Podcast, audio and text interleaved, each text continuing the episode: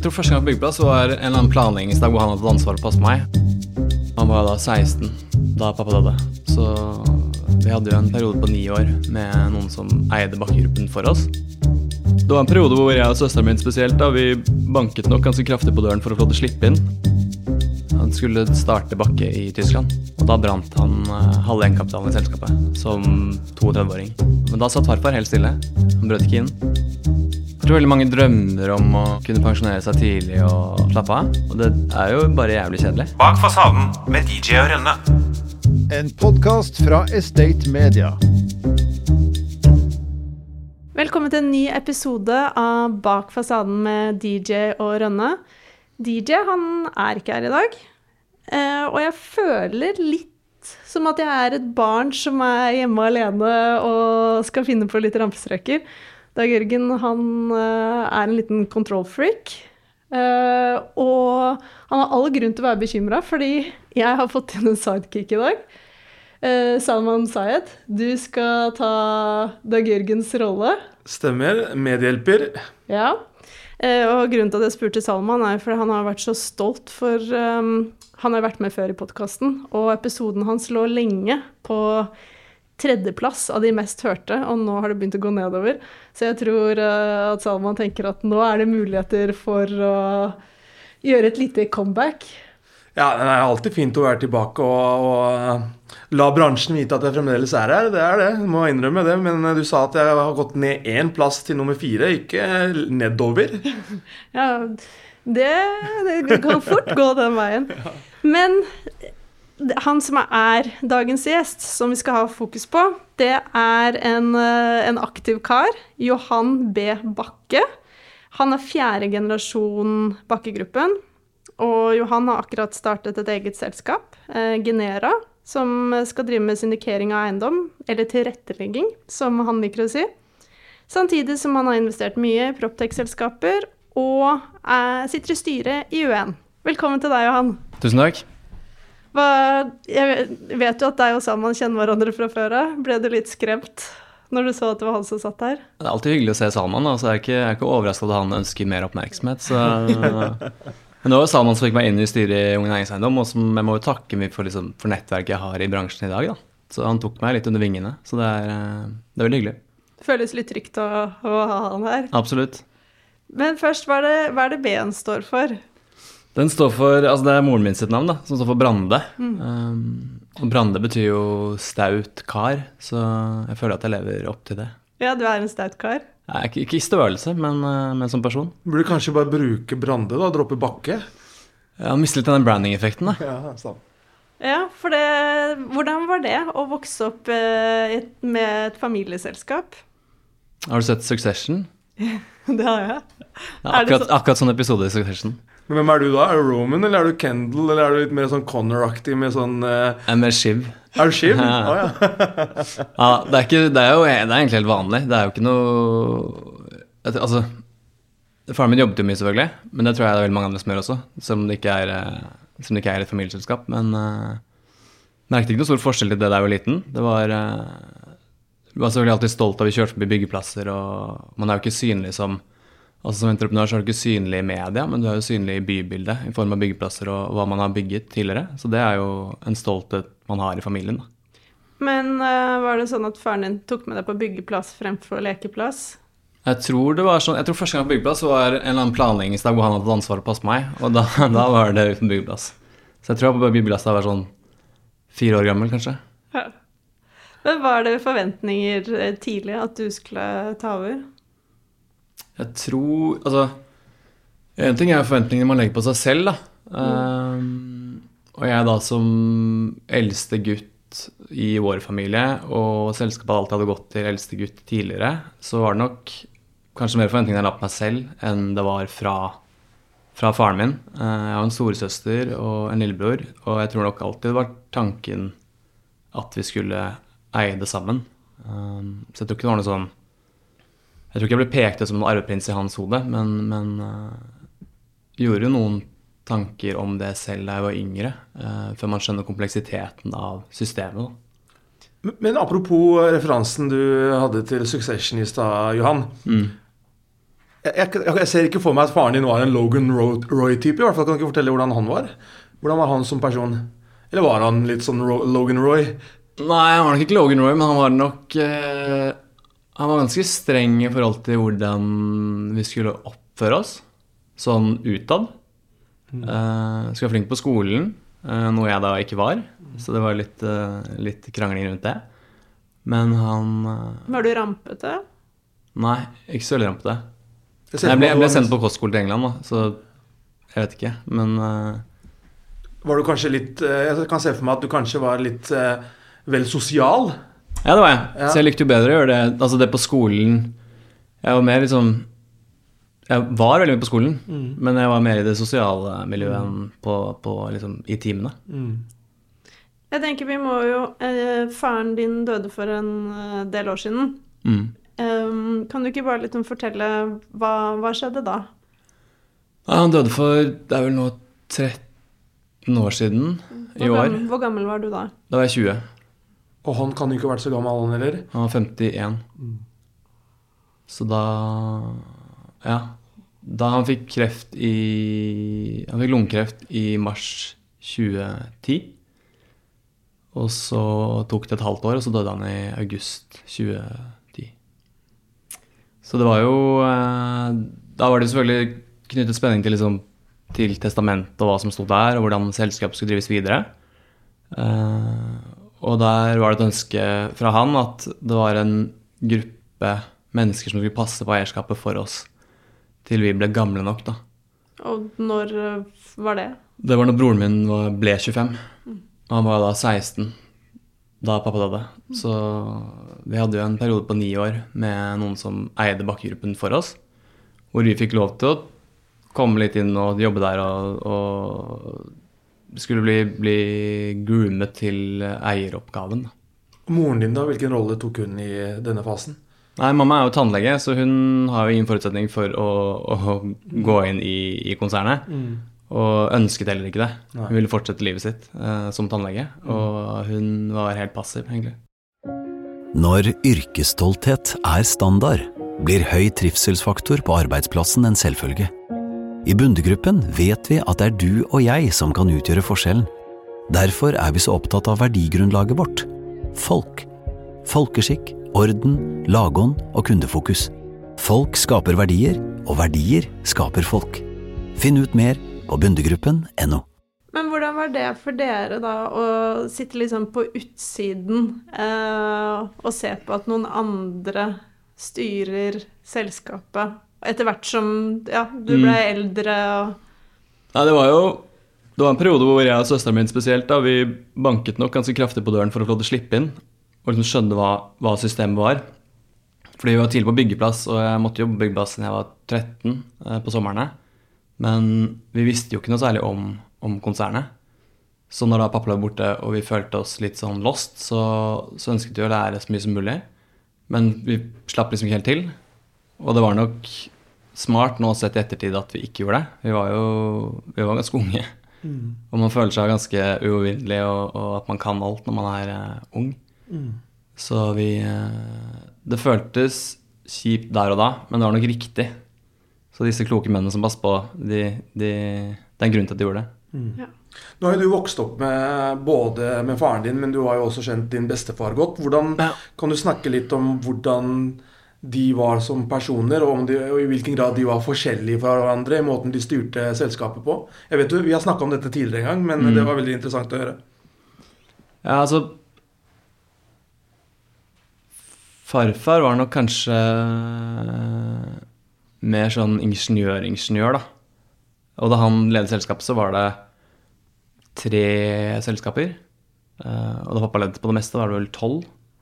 Så pappa var nok mer en, en industribygger sånn sett, da. Mer kommersiell. Ja, mer kommersiell ja. og mer uh, businessmann. Mm. Mens farfar var mer uh, faglig dyktig. Så faren din hadde kanskje litt mer appetitt for risiko? litt, Ja, det kan man si. Han tok jo Da han overtok i ja, tidlig på 90-tallet, så tok han jo med uh, Han skulle starte Bakke i Tyskland. Ja. Og da brant han halve egenkapitalen i selskapet Ja, som 32-åring. Og da, men da satt farfar helt stille. Ja. Han brøt ikke inn. Nei. Så han var jo han var ganske bevisst på at når han hadde gitt over stafettpinnen, så var den gitt over.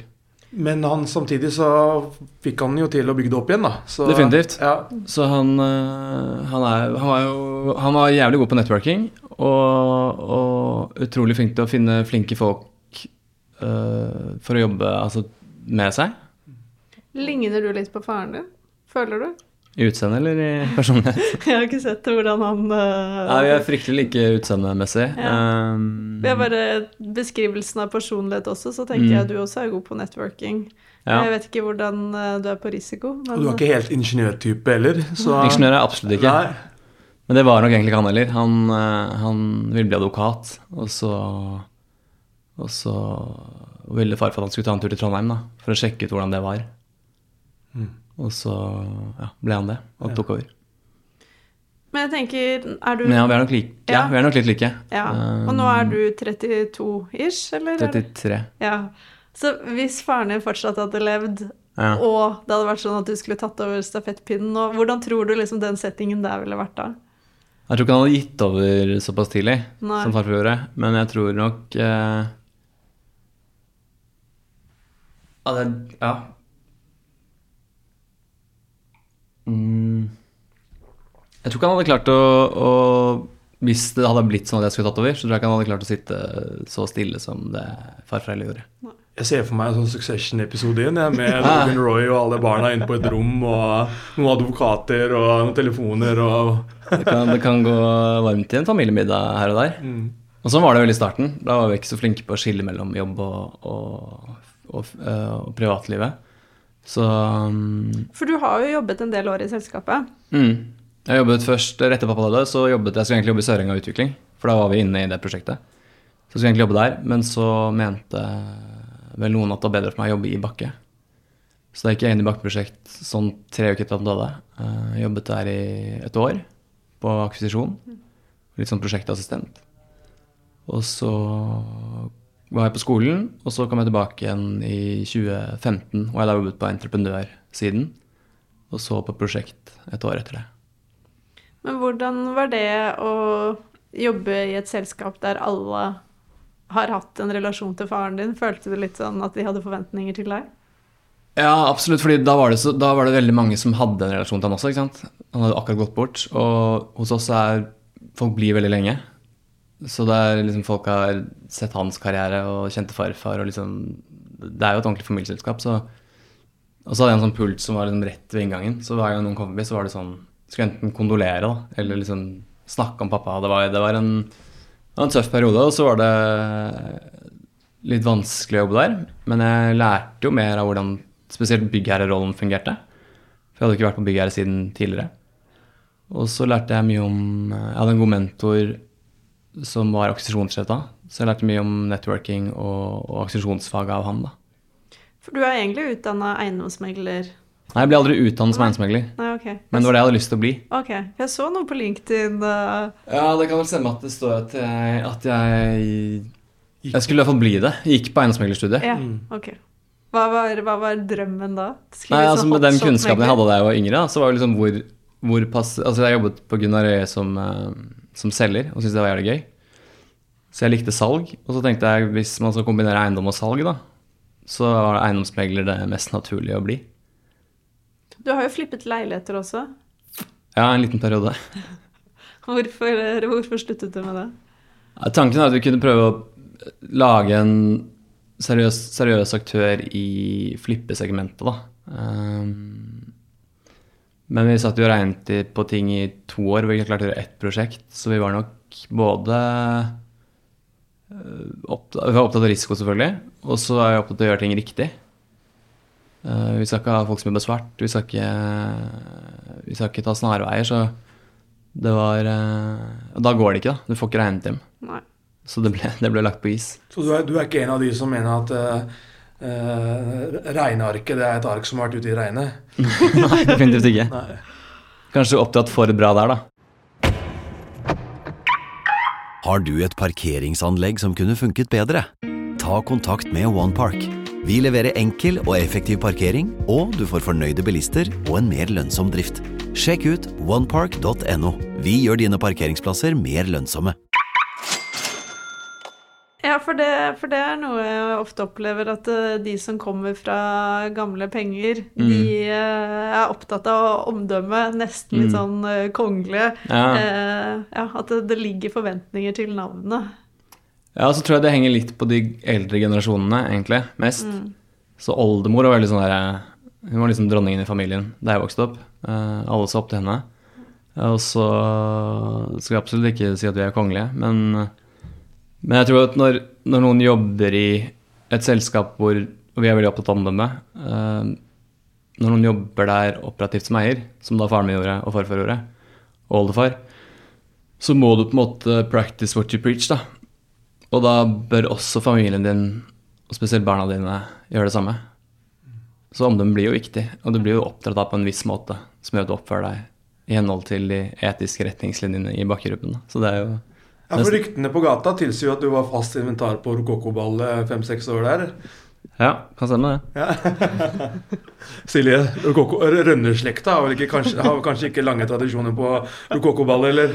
Nei, vi kan ikke akkurat skryte på oss det. Nei, ikke Zaid-slekta heller, for øvrig, så jeg ikke være så høy. Det var drømmen din, det. Ja, nei, for å være helt ærlig så visste jeg ikke hva det var da jeg vokste opp. Det som veldig mye annet. eh, Men eh, når jeg, i hindsight så hadde det sikkert vært kult å være på det en eller annen gang. Ja. Det er litt for sent nå, da.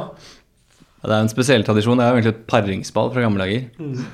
Så først så fikk du bare lov til å komme hvis du var singel. Såpass, ja. Men det har endret seg nå, da. Nå er det mest bare party. Ja, Hvem er det som er vertskap til dette? Det endrer seg hvert år. Har du eh, holdt det før, eller? Nei, altfor ung. Det er for ung, ja. ok. Men så bordplassering en gang, da. Det var gøy. Og da var det sånn uh, Kirsten Giftekniv Ja, det blir litt sånn. Ja. Ja, Var ikke de to ja, De kan passe sammen. Er det mange som har møtt hverandre der? Helt sikkert. Spesielt i gamle dager, tror jeg. Vi har snakka litt om uh, bakkegruppen. Mm. Uh, uten at vi egentlig har snakka liksom Det er jo sikkert mange som lurer på hva er, hva er egentlig bakkegruppen. Jeg kan jo kanskje kort fortelle Dere driver jo med utvikling på byggherresida, Mm. og så er dere en byggentreprenør. Mm. Uh, men dere er litt annerledes enn de andre entreprenørene. Fordi dere er veldig regionbasert. Eh, Nå må du gjerne utdype litt. Ja, altså sånn. vi har, vi, har jo, vi har jo egne selskaper i de forskjellige byene, eller regionene. Så, så Og det er sånn vi bygde opp selskapet også. Vi kjøpte opp lokale, sterke merkevarer. merkevarer. Um, så vi kjøpte f.eks. Vi hadde Agaton Borgen på Romerike, som nå er Bakke Romerike. Vi har Martine Bakken på, på Innlandet. Vi har uh, Miljøbygg på altså som nå heter Bakke Oppland. Så det er sånn Vi har endret navnet nå, så nå heter jo alt Bakke. Men det var sånn vi startet ved å kjøpe opp lokale entreprenører. Med en sterk lokal forankring. Um, vi tror det er viktig at menneskene våre er fra de Eller i hvert fall har en tilstedeværelse i de, i de markedene opererer i. Mm. Så vi er nå i ti, ti entreprenørselskaper. Uh, så driver vi med boligutvikling, uh, eiendomsbesitting. Og så eier vi også en, uh, en forvalter og tek, altså teknisk drift på, på i, I det eiendomsselskapet, da. Mm. Det er Driv. Du har jo også et uh, investeringsselskap eh, der dere kjøper Proptech-selskaper. Ja. Fortell litt om det. Ja, det startet Det var litt sånn Det startet jo litt tilfeldig med at uh, Salman eh, startet opp Flexbase, egentlig. Um, og da syntes jeg det var veldig spennende. Så vi investerte der. Og så, når man da investerer i ett sånn type selskap, så baller det på seg. Og, og så ser vi at det skal veldig mye til for å liksom få bransjen dit den skal innenfor digitalisering. Da. Så og ved å jobbe, når vi jobber, eller jobber operativt i både eller mest eiendom, da, men når man også har innsikt i entreprenørbransjen, så ser jo hvilke produkter som trengs. Og da mener jeg at det er en god forutsetning for å skjønne hva man bør investere i innenfor Proptech. For nå er dere inne i 15 selskaper, eller er det flere? Ja, I det selskapet som investerer i typ startup, så er vi inne i 15 selskaper, men det er vel 12 Proptech-selskaper, da. Ja. Mm. Hva er det dere ser etter da? Først og fremst er det menneskene bak, da. Det er et sånn klassisk svar, men det er jo det aller viktigste. Så å tro på Det aller beste er liksom en, en kommersiell nerd En som virkelig kan det de driver med, men som også er kommersiell. Ja. Så Er mange- litt som Salman, mange- da. Ja, ja jeg syns Salman er i nerdekategorien. Men jeg føler det er litt litt på sånn eiendom så er han jo det. Han er jo en nerd. Kanskje jeg er det, men jeg føler liksom at det er Jeg skulle gjerne vært uten utdanning. Og, for da hadde det vært liksom Jeg føler at det er, det er, det er en greie med gründere som har teft, men ikke har utdan- utdanning. Mm. De er sånne wildcards som man ønsker å putte penger i. Jeg, har, altså jeg skulle gjerne kvitta meg med mastergraden min. Da tror jeg kanskje jeg hadde hatt større legitimitet innen startup-verden. Ja. Ja, men det er litt sånn Vi ser liksom ikke så mye med utdannelse, men vi ser på, på om de kan det de snakker om, da. Og så, og så svarer godt på kontrollspørsmål og sånn. Så siste investerte nå, var i, i batterier som da skal stå i bygg, da, for å serve bygget og lagre, og lagre energi. Og jeg har ikke sånt sykt store forutsetninger for å spørre han som sitter der og kan batterier, eh, hvordan dette fungerer. Men, eh, men eh, da gjør vi en grundig Q&A, og så hører vi med eksperter på, på området. Og så når de svarer godt opp da, så investerer vi. Men først er det menneskene, og så er det jo selvfølgelig ting vi ser at trengs i bransjen. Da. Og da er dere sånn seed-investor stort sett, eller går inn tidlig? Ja. Ja. Men vi gjør også follow-up, da. Vi har mulighet til det. Så, så vi, sånn som i Flexace, så har jeg vært med nå to-tre ganger. Så ja. Vågel. vågel, vågel. Det er viktig å presisere.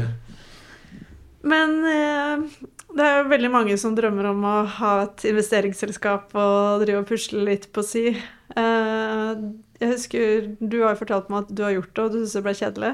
Ja, det er jo ikke noe sånn Jeg tror veldig mange drømmer om å kunne pensjonere seg tidlig og, og slappe av. Og det er jo bare jævlig kjedelig. Ja, for du, du har muligheten til det. Ja, jeg prøvde det. altså Etter vi la den flippebusinessen, da, så var det et lite vakuum der hvor jeg ikke visste hva jeg skulle gjøre. Og det var jo Da var det mest bare sånn type investeringer og følge opp ting og sånn. Det er jo ikke noe Det er ikke noe god hverdag. Her sitter Silje og jeg på motsatt ende av bordet og sitter og fremdeles drømmer om å pensjonere oss. Ja. Kanskje Ja, ja. vi skal høre på Johan. Får dere gode råd der nå? Ja, det, det er ikke grønnere på andre siden av Nei. gjerdet. Nei. Nei, men jeg tror derfor også finnes mange seriegründere. Mm. Fordi de starter et selskap, kanskje casher ut, og så tenker de at nå skal jeg slappe av. Mm. Men de klarer jo ikke det. Ja, det, ligger, det, er, det er noe i det. Jeg tror det. Det er driven til folk. Mm. Men akkurat nå så Du har jo startet et annet selskap eh, som du bruker mesteparten av tiden din på nå. Ja. Genera. Ja, Fortell om det. ja. Og det er jo ikke startet alene, da. Så det, vi er fire stykker som er eh, partnere der. Og målet er å bli neste generasjons eh, tilretteleggere innenfor eiendom og, og proptech. Um, med et spesielt fokus på, på unge investorer. Da. Vi ser at det er eh, mange familier som har flyttet verdien sin nedover. Eh, som gjør at det er en del eh, nye investorer på vår alder. Og vi tror da at eh, å gjøre prosjekter med folk på egen alder, som også ønsker å gjøre grep på eiendommene som er i tråd med tiden, eh, det tror vi kan være trygt for nye investorer. Da. Det er jo litt turbulent marked akkurat nå. Ja, det kan man Ja. Det er jo i hvert fall stille.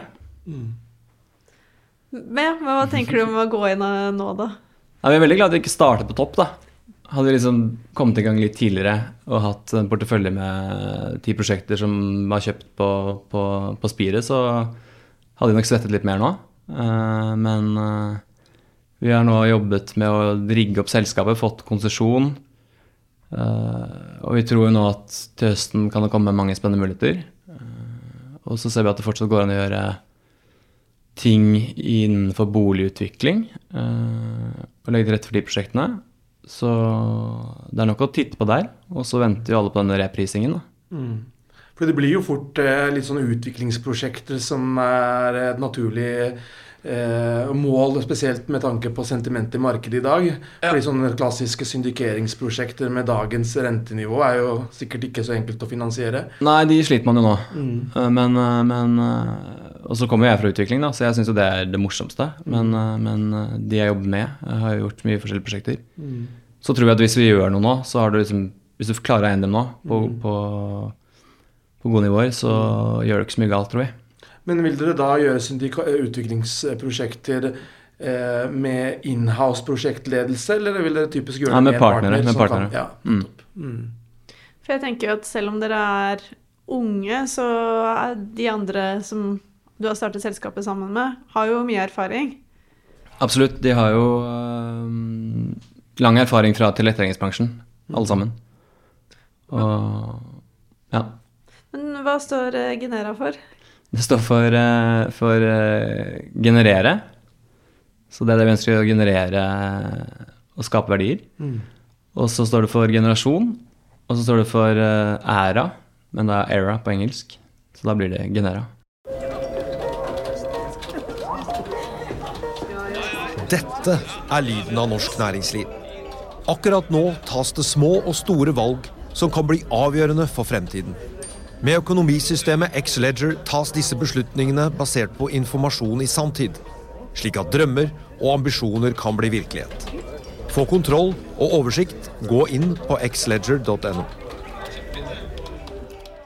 Ja, og du sa det litt tidligere, at det er mye penger som er flyttet over på yngre generasjoner. Mm. Um, er det en fordel med det nettverket du har? Ja, jeg tror jo tror det, da. Jeg som, da jeg startet å skulle begynne å investere litt selv, så blir det jo ringt av alt mulig rart av miljøer. Uh, og man ønsker jo å verne om det man har fått tildelt, og forvalte det på en god måte. Du ønsker jo ikke bare skusle det bort, så jeg tror da at hvis du hvis det er noen du kjenner fra før og stoler på, eh, og som har erfaringen og kunnskapen innenfor da eiendom som er vanligvis en trygg havn, så tror jeg at vi har et, en fordel. da. Det, det er jo ikke alle steder du er ung. Nei, Dere snakket jo litt i forhold til dere, så er jeg det, men Jeg tror ikke du skal måle, oss, måle deg mot oss i forhold til alder. Det er jo, det er jo um, din alder i forhold til uh, ja, Litt i forhold til konteksten, da. ja. Så uh, hvis man f.eks. snakker om eh, kontekst av ung i næringseiendom, så er jo du nå grand old man i eh, styret der. Du er jo den som har sittet lengst. Jeg har sittet lengst, da. Jeg har vel nå sittet siden Var det 2016? Tror jeg. Ok, ja, Er sikkert. ikke? Jeg kan, sikkert det, det kan sikkert stemme. Det var så du som, det var du som ringte og fikk meg inn, så Ja, Det er jo fort syv år siden, det nå. ja, ja. Så, men er du da også den som først skal bli kitta ut av styret, da, eller? Jeg har sittet lengst, men jeg er jo ikke eldst, da. Nei. Så jeg og Didrik Berg vi er like gamle. Nettopp. Så vi ryker jo samme år, da. Ja, ok. Så, Så du skal tviholde helt til eh, du fyller 35? jeg skal, gjøre som, jeg skal gjøre som Salman, jeg, og sitte til Eller var 36? Dere satt for kanskje Ja, Han endret, han endret jo reglene på det. Ja. Han kunne bli litt lenger. Men det er det folk tror, da. Man må ut av styret før du blir 36. Ifølge dagens vedtekter, som vi valgte å ikke endre. Men du, Johan, du kan jo fremdeles endre de. Ja. Har du noen tanker om det? Nei, jeg tror det holder, holder da. Altså, nå har vi et veldig bra styre, og jeg er også litt sånn syvende far i huset. Jeg er ikke den som er mest operativ i det styret. Um, men sitter og passer på, og forvalter på en måte uensinn sin ånd fra starten av, da. For det. Hvis vi skal fortsette på den syvende far i huset, så tenker jeg eh, jeg prøver å liksom få Salman sine tanker inn i styret. Hvis han er misfornøyd med noe, så ringer han meg og sier Johan, nå må dere endre på det. det, Det jeg, må, jeg må jo bare kommentere at jeg syns jo det er veldig behagelig med en sånn eh, alumnitilværelse i UiN, fordi de Mm. få gangene jeg nå er med, så trenger ikke jeg jo på en måte og Jeg er jo ikke en del av Jeg er jo ikke en del av organiseringa, så jeg kan bare relaxe, lene meg tilbake og bare delta. Mm. Så, så det, det er noe du kan glede deg til, Ja. eh, Johan. Det er noe helt annet å ikke sitte og planlegge dette her. Men snart er vel du også for gammel uh, Stemmer. Jeg fyller jo for, for, for, du er, du, er, du er jo bare litt eh, eldre enn meg, er du ikke det? Jeg er litt yngre enn deg. Litt yngre enn meg. Ok. Vi skal Ja. ikke begynne å ta den diskusjonen, Nei. men jeg, jeg er litt yngre enn deg. Ja, ok. Nei, men jeg blir i hvert fall 38 nå i helgen, så da har jeg to år igjen. Ja. Da er du mye eldre enn meg. Jeg er frem til 31. desember. Ja, det stemmer. Ja. Ja. Ja. Men det, er, ja, det er utrolig gøy da, hva UN har gjort nå for bransjen. Og så ser vi jo nå at i hvert fall på siste studietur nå, så ser vi at det er beslutningstakere som er med på turen. Mm.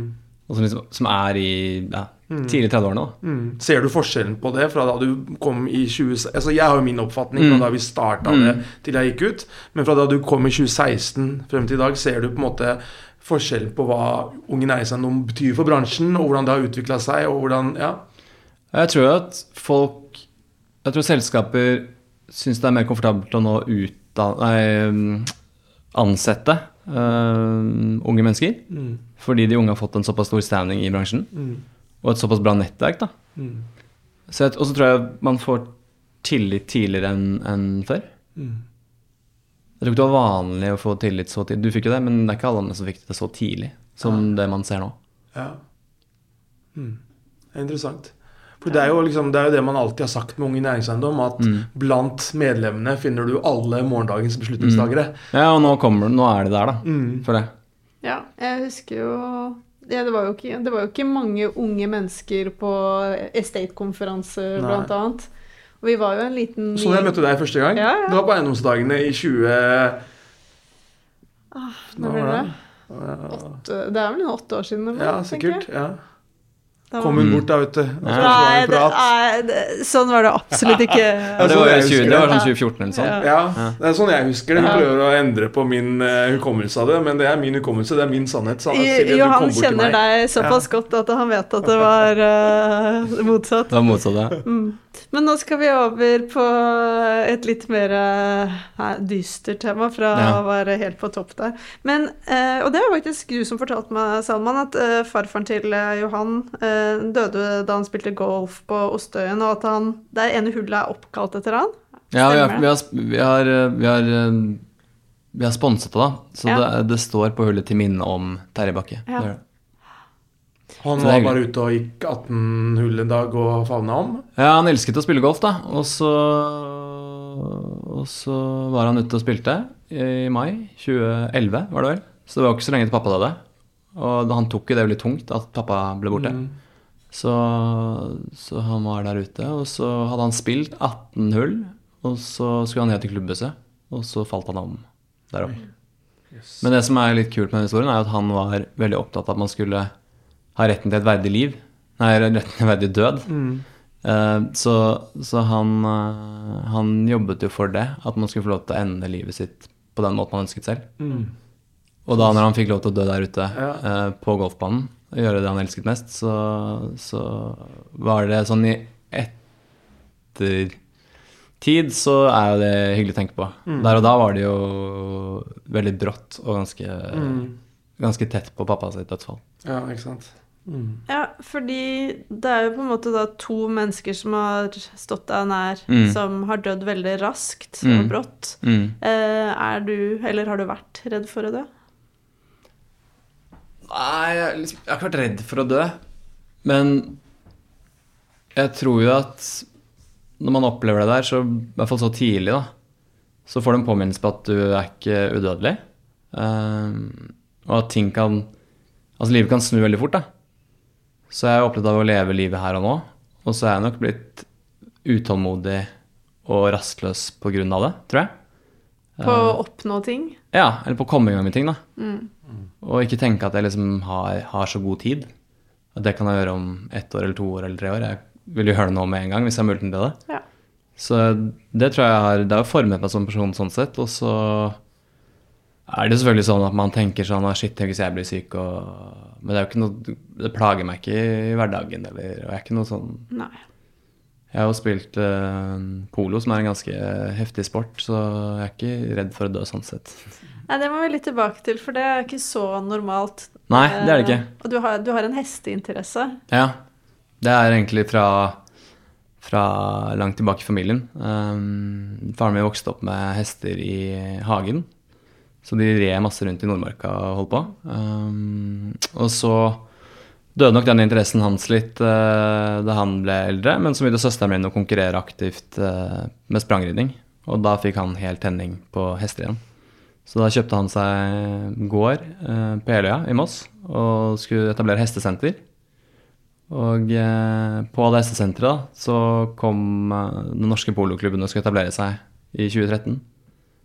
Og da prøvde jeg å ri for første gang, og så ble jeg helt hektet fra start av.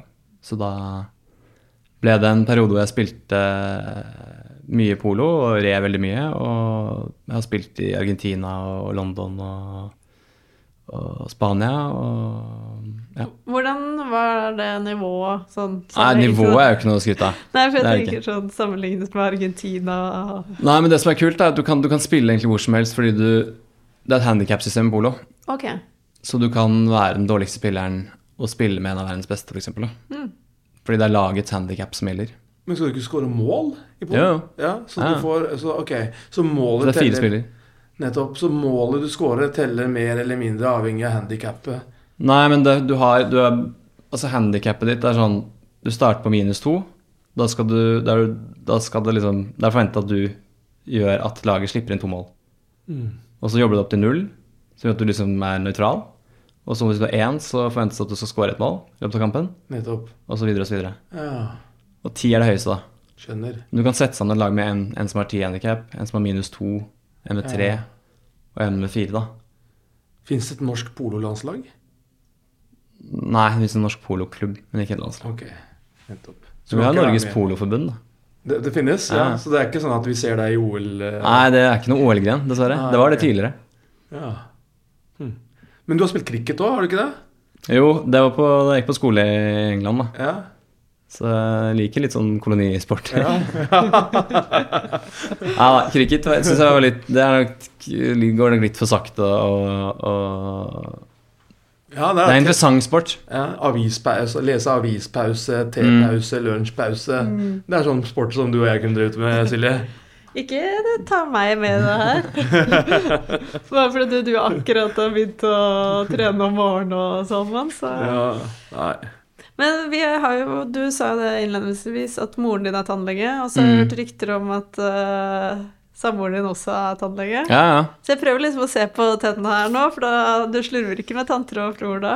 Nei, det har aldri hatt noe hull, så det er jo uh, blitt strengt oppdratt sånn sett. Men jeg syns jo Jeg har fortsatt tannlegeskrekk, da. Ok. Så det er eh, Det er liksom Det er no mercy, da, når du går til, eh, til mor. Ja, det- Jeg kjenner Ja. Jeg skjønner hva du mener. Jeg, jeg har jo på meg Invisalign for den anledningen. Ja, ja. Tenkte nå skal, vi, eh, nå skal vi snakke med Johan. Da må vi i hvert fall eh, sørge for at vi gjør noe med tenna. Nei, så det er jo Det er eh, Ja, det er ikke noe sånn Det er ikke noe kjære mor i, i tann, på tannhelsen der. Og så er det vel sånn at veldig mange av de Det er mange av de du kjenner som går, har moren din som sin tannlege òg? Ja, det er det òg. Ja. Men taushetsplikt, da, så hun får ikke lov til å si noe om hvordan, oh, ja. hvordan, det, hvordan det står til. er det der du har vært Også? Nei, det er ikke det. Men uh, burde kanskje vært det. Bak fasaden med DJ og Rønne.